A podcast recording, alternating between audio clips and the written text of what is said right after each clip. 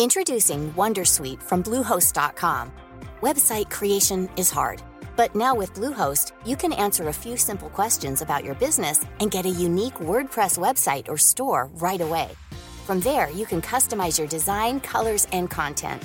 And Bluehost automatically helps you get found in search engines like Google and Bing. From step-by-step guidance to suggested plugins, Bluehost makes WordPress wonderful for everyone. Go to bluehost.com/wondersuite.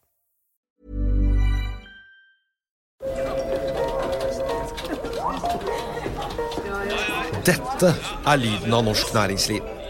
Akkurat nå tas det små og store valg som kan bli avgjørende for fremtiden. Med økonomisystemet X-Leger tas disse beslutningene basert på informasjon i sanntid, slik at drømmer og ambisjoner kan bli virkelighet. Få kontroll og oversikt, gå inn på xledger.no. Denne sendingen er sponset av Xleger.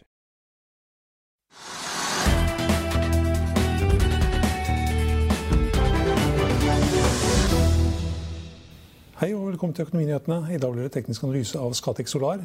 Vi har også med oss eh, eiendomsmegler eh, Grete Wittenberg Meyer i Privatmegleren. Og hun skal kommentere boligprisene, som var rekordsterke i mai.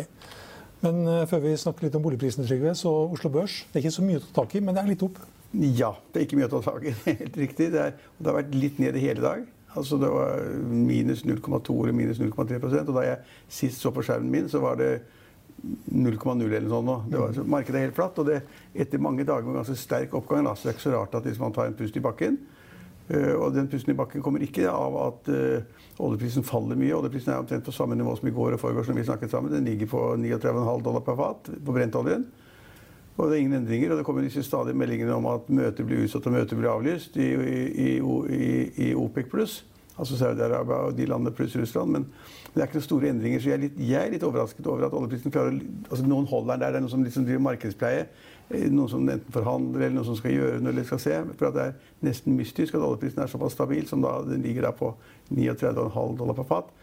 Og da tar altså markedet på aksjesiden en liten pust i bakken. fordi at både Equinor og Aker BP og Aker har jo da liksom vært ja, stort sett litt ned i faktisk. Og så har da kanskje Aker BP kommet litt snudd rundt. Men altså stort sett har de vært ned 0,3 eller 1,5 eller 2 i dag. Og det er en helt naturlig markedskorreksjon på det at det er godt og godt og godt. Og det går opp 7 den ene dagen og 5% den andre dagen. Og det liker ikke markedet. Det er alltid noen som vil ta profit og liksom tenker at liksom, nå har jeg vært en god trader vært smart i Aker eller Aker BP, og så, så, går de ut, og så er det salgsoverheng, så du får en liten korreksjon ned, og det har du hatt i dag. Ja, og vi eh, kan ta det da, Equinor ned 1,5 Aker BP ned 1 og Oslo Børs opp 0,2 nå. Ja, ok. Så da svinger det litt. Grann. Litt mer optimisme. og det er vel da, Jeg har ikke sett på børsen i utlandet ennå, men det kan tenkes at de amerikanske børsene åpner litt opp, eller er kanskje litt positive, og så smitter det litt opp Oslo Børs med en gang. Mm. De har vel åpnet Nei, det ser jeg helt flatt. Altså, ja, det er ned, Dow Jones er ned 0,2% Ja, det er helt flatt, ja, da. Det er så flatt som du kan få det. og Da tenker vi markedet at det blir ikke noen sånn krise med liksom Dow Jones ned 300 poeng eller 20 poeng. Så da kanskje er det det som gjør det. Og det snur litt rundt på, på Oslo Børs. Og så er det nok det, håper jeg, da, at folk er såpass uh, forankret i de, altså de konkrete forholdene at de ser at oljeprisen ligger der hvor den er. Det er ikke noen store endringer i dag, og det er positivt for oljeselskapene. Og så er det masse rare sånne ting som du sier at det er ikke noe særlig som påvirker selskapene. Du er helt enig. det er jo altså Solstad er en av vinnerne. Det er sånn selskap som jeg har gitt opp ikke sant? Eh, innen supply. Og så har du Seadrill, eh, og Solstad er opp. Og Sidril, som jeg også har gitt opp, den er en av taperne. Og ned 10-13 og Solstad opp 10-12 slik at noen, noen oljeserviceselskaper er opp, og noen oljeserviceselskaper er ned, og noen drillselskaper er ned, og noen er opp. Og Det skyldes jo det at de har gått utrolig langt ned, og så er det da på en måte veldig lite som skal til før de går opp 10% eller 15% og det betyr ingenting. slik at Å se på oljeserviceselskapene på Oslo Børs det er veldig vanskelig. Men på oppstrømsselskaper som Aker BP kan man kanskje se det, på Equinor kan man, eh, kan man kanskje se det, og kanskje på DNO eller andre oljeselskap. Og så må vi snakke litt om Norwegian og en artikkel på finansavisen.no i dag. Der er det et meglerhus som spår at aksjen skal gi Null kroner. Ja, altså det, der er jo det Jeg syns nesten synd på Norwegian, men de mener at, man, at de som sier, snakker om selskapet, de snakker for mye om, om ledelsen. Eller, altså de, snakker, de, snakker, ikke nok om det essensielle, nemlig om de har penger til cash, om de brenner opp alle pengene de har. Eh, om de holder ut. Og de som da, dette meglerfirmaet de sa da det at eh, det er ikke håp for Norwegian, og de vil ikke klare seg. Og det er andre viktige ting enn da hvem som sitter i ledelsen. altså Hvem som sitter da som finansdirektør eller administrerende eller konsernsjef. Eller om to eller tre må slutte, eller skal slutte neste uke. Så er det mye viktig å se på da den finansielle siden. og da hvor mye selskapet brenner på den cashen de har, eller de trekkrettighetene de har, og de tar ikke noe to på aksjen. Nei, De mangler over 6 milliarder, Ja. er konklusjonen. Ja. Og det må da komme inn på et eller annet vis i løpet av året. Ja, og det, og det, det, det poenget de har, er jo det, det at ja, Norwegian har konvertert masse av gjelden til aksjer. Men de glemmer at det er utrolig mye gjeld igjen som også skal, det skal skje noe med. og Hvis den gjelden også skal konverteres, så er det ikke håp for aksjonærene. Og, og de mener at det ikke er nok penger. Og det, det er mange som har sagt, og det tror jeg faktisk er riktig, at selv om da de har, Norwegian har fått støtte av staten med 3 milliarder kroner, som ikke er støtte altså i kontant, men det er på en måte garanter, garantering av lån, så vil Norwegian trenge mer penger oppunder jul. Og vi har vært inne på det at eller fleipet med det, da, det skal man kanskje ikke gjøre, at det er ikke mulig å drive et flyselskap med syv fly. Enten da flyene går da innla- på innenlandsmarkedet, eller de går på innenlandsmarkedet og utenlandsmarkedet. I utlandet har de ikke startet opp engang, så vidt jeg vet. Det er bare innenlands, og det er nesten ikke trafikk. Og de kjemper om munnbind, og de kjemper om å ta bort mistelsesraden. Det, altså, det er kjempevanskelig og komplisert. Og vi har ikke noen land som kan komme fritt til Norge og fly rundt og dreie på ferie her. Så, så få da det selskapet til å bli lønnsomt, det mener jeg det er nesten umulig. Eh, Men eh, aksjen er opp 7,6 i dag. Ja, Men det er fordi den ligger på 3 kroner eller sånt nå. Ja, 3 kroner og 76 øre. Ja. Ja. Ja, da, det er ikke så langt fra 3 kroner ned til null, altså. Men det er ikke noe vits for oss heller å spå at eh, Norwegian skal gå i null med en glede, for det er det ikke. Men fordi at hele Norwegian har vært en case. Eh, Dette som har kommet frem etterpå, da at styreleder Kise har sagt at vi hadde faktisk et konkret bud på 300 kroner per aksje. Og vi sa ja. Alle har sagt at liksom, de var så dumme, Kise og Kjos, at de ikke sa ja når de fikk et tilbud på selskapet fra den eieren som også eier British Airways. Eh, Men nå sier de at vi sa faktisk ja, vi var interessert i å selge, men plutselig trakk altså kjøperen seg. Det kan man ikke gjøre noe med. Hvis du da ikke har bindinger som gjør at du må være der, eller at du har det som driver i finans, at du har en penalty, at du forhandler en deal frem og tilbake. Og hvis du trekker deg, så må du betale 100 millioner kroner, eller 10 millioner kroner, eller 5 millioner kroner. Det er en ganske effektiv eh, eh, binding til da de som på en måte er ute og lusker i markedet og skal, tror de skal få noe billig, og så byr de et eller annet. Men her bød da seriøse kjøpere angivelig 300 millioner kroner per aksje. og Ledelsen sa underhånden ja, og så ble det ikke noe av fordi at kjøperen stakk av. Og det, ja, så, så det er mye å si om Norwegian-aksjen. og da, da er det litt synd på de aksjonærene. Det er synd på Kise, det er eh, også synd på Kjos. Det er synd på alle de andre som har vært med og der. Men de det ikke er synd på, det er de som har tradet hele tiden og vel vitende om at det er masse gjeld, og at gjelden vil bli konvertert. Det har, stå, det har vi holdt på med og skrevet, om og sagt i måneder. Eh, De har- syns jeg ikke synd på, for de har vært med på en sånn crazy deal eh, på et veldig lavt nivå. Lavt nivå.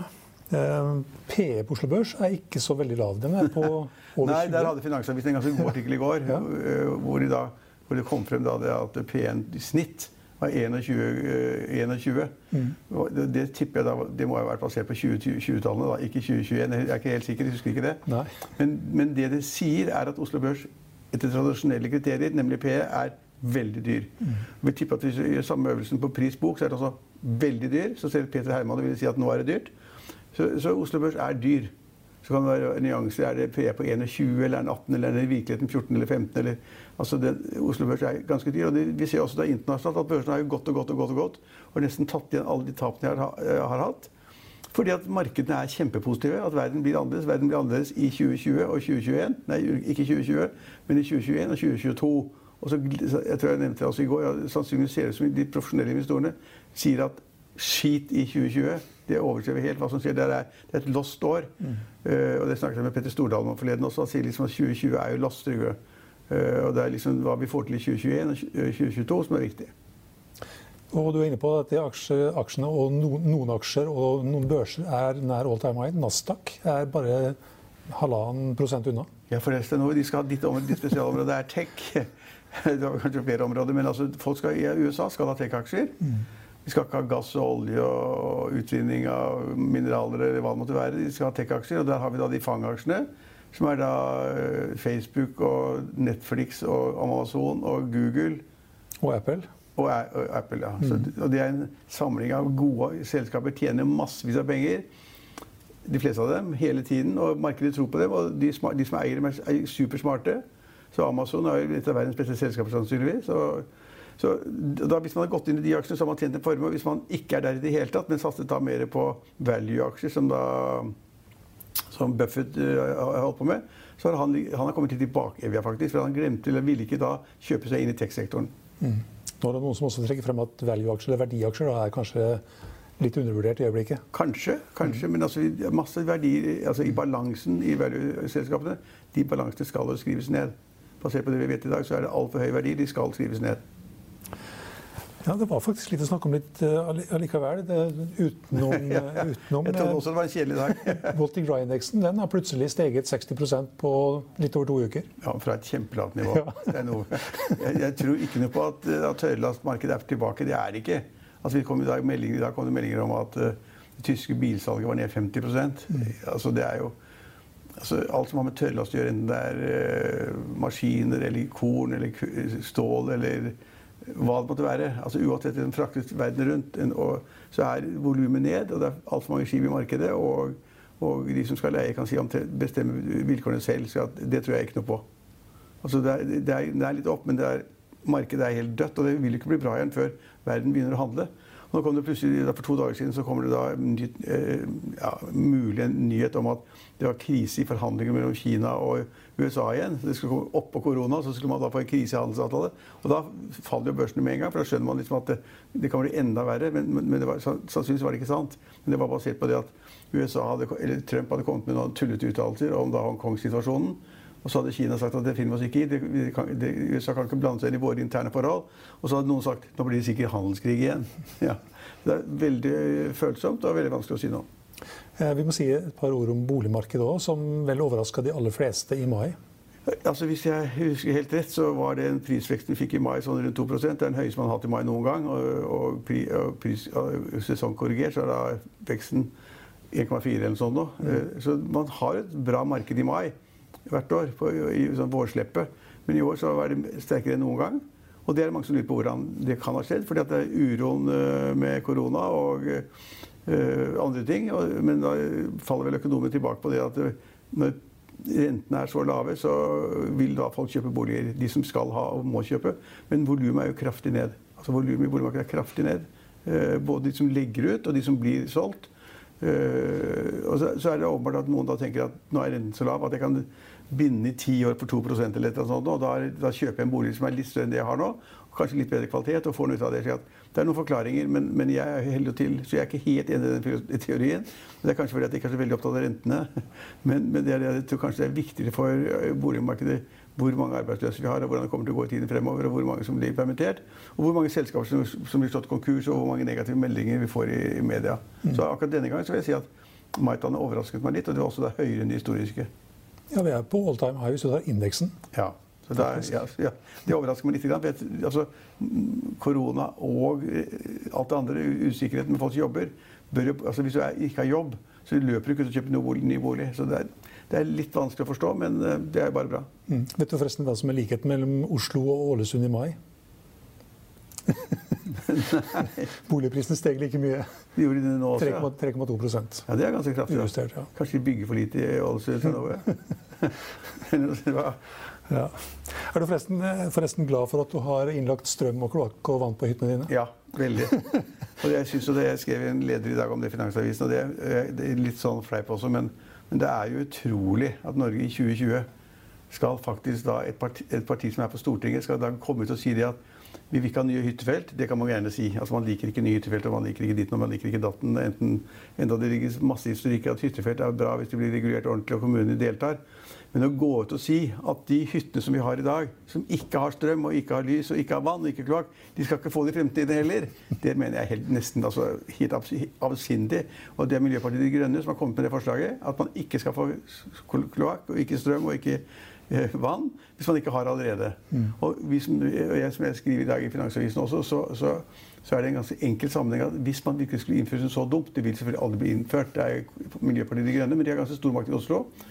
Hvis man innfører noe sånt, så vil jo de som har hytter, du og jeg og andre, de, prisene på hytter vil gå rett til himmels. For alle de andre hyttene de har jo da ikke vann og de har ikke strøm, og da vil jo prisen falle dramatisk. Og, de, og etterspørselen vil rette seg mot de som har alt dette her. Enten det er på Sjusjøen, på Beitostølen, Kvitfjell, Hafjell, hvor det måtte være. Det er helt håpløst. Det er norsk politikk, er over.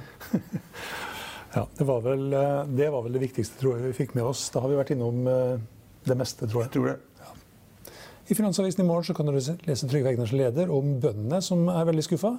Om Nell og den nye kontrakten med Nicola, som kanskje ikke var så bra som mange tror. Og om Solund Eiendom, som vil gjøres som Selvåg bolig. Det var det vi hadde for i dag, men vi er tilbake igjen i morgen klokken 10 og klokken 13.30. Følg med oss igjen da.